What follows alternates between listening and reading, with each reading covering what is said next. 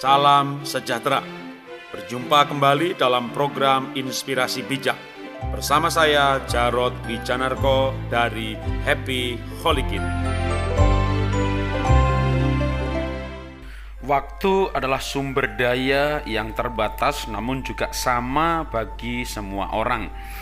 Bagi mereka yang adalah narapidana menunggu saat dibebaskan dari penjara, tentu akan terasa begitu sangat lama, panjang, dan tidak kunjung datang. Tetapi bagi mereka yang sibuk, waktu begitu cepat berlalu seperti sekam dihembus angin. Bagi mereka yang sibuk tetapi tidak memiliki kemampuan untuk mengatur waktu dengan baik, juga tidak dapat berbuat banyak bagi dirinya, sesama, atau bahkan bagi keluarganya. Karena itu kita perlu mengatur waktu dengan baik dan berikut ini adalah tips-tips dari saya. Yang pertama, rencanakan segala sesuatu sebelumnya. Jika kita gagal merencanakan sesuatu itu berarti kita sedang merencanakan kegagalan. Demikian ungkapan dari Ken Smith, salah satu pembicara seminar ternama di Amerika. Jika kita merencanakan sesuatu sebelumnya, akan menolong kita melakukan sesuatu dengan tepat waktu. Jika kita rencanakan sesuatu dengan baik sekarang, maka hari esok akan menjadi baik dengan sendirinya. Perencanaan menolong kita menemukan apa yang kita cita-citakan. Karena itu saran saya setiap hari buatlah things to do, buatlah perincian daftar apa yang harus dilakukan hari ini pergi ke kantor, nelpon si ini, menghubungin si itu, menawar harga, membeli barang, kunjungan ke si A, semua daftar apa yang akan dilakukan buatlah pada pagi-pagi atau malah sebaiknya sebenarnya setiap malam hari. Maka apa yang akan akan sudah lakukan besok buatlah daftar semuanya. Semuanya ingat, semuanya ingat, ingat, ingat semuanya dan tuliskan.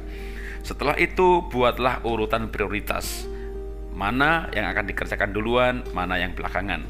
Lalu dari daftar yang akan dilakukan tadi bahkan mulai bikinlah juga catatan mana yang akan engkau kerjakan sendirian dan mana yang engkau akan suruh orang lain delegasikan untuk orang lain melakukannya. Dengan demikian hari esok engkau betul-betul hanya akan melakukan yang engkau akan kerjakan dan hanya engkau yang bisa mengerjakan dengan yang terbaik sedangkan yang bisa didelegasikan sebanyak mungkin delegasikan. Dengan mendelegasikan, maka kita belajar mempercayai orang lain. Dan ketika orang lain dipercayai, dia merasa senang, dia akan menjadi tim sukses kita.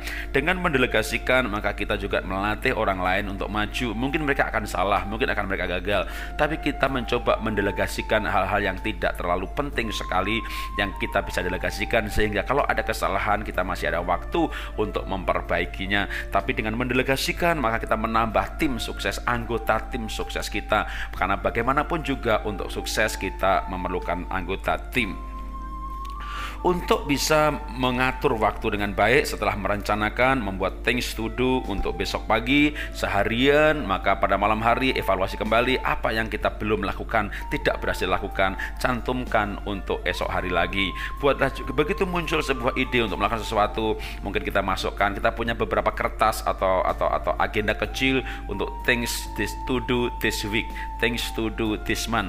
Daftar apa yang akan kita lakukan minggu ini apa yang akan kita lakukan lakukan uh, bulan bulan ini lalu daftar-daftar yang hanya ide saja untuk yang akan datang. Dengan demikian kita tidak pernah menjadi orang yang menganggur karena kita punya banyak daftar yang harus kita lakukan. Tapi yang penting kita membuat prioritas mana yang kita kerjakan, mana yang kita delegasikan. Langkah berikutnya adalah supaya kita bisa mengatur waktu dengan baik, maka hindarilah hal-hal yang mengganggu, hindarilah hal-hal yang tidak produktif. Ngobrol boleh, berbicara dengan teman boleh, karena itu membangun jaringan, tapi jangan ngobrol kelewatan terlalu lama, ngalor ngidul, dan membicarakan hal-hal yang tidak baik atau gosip. Belajarlah untuk membuang hal-hal yang tidak produktif. Kita harus mendengar berita supaya mendapat informasi, tapi jangan duduk berjam-jam di depan televisi hanya karena tidak ada yang dilakukan.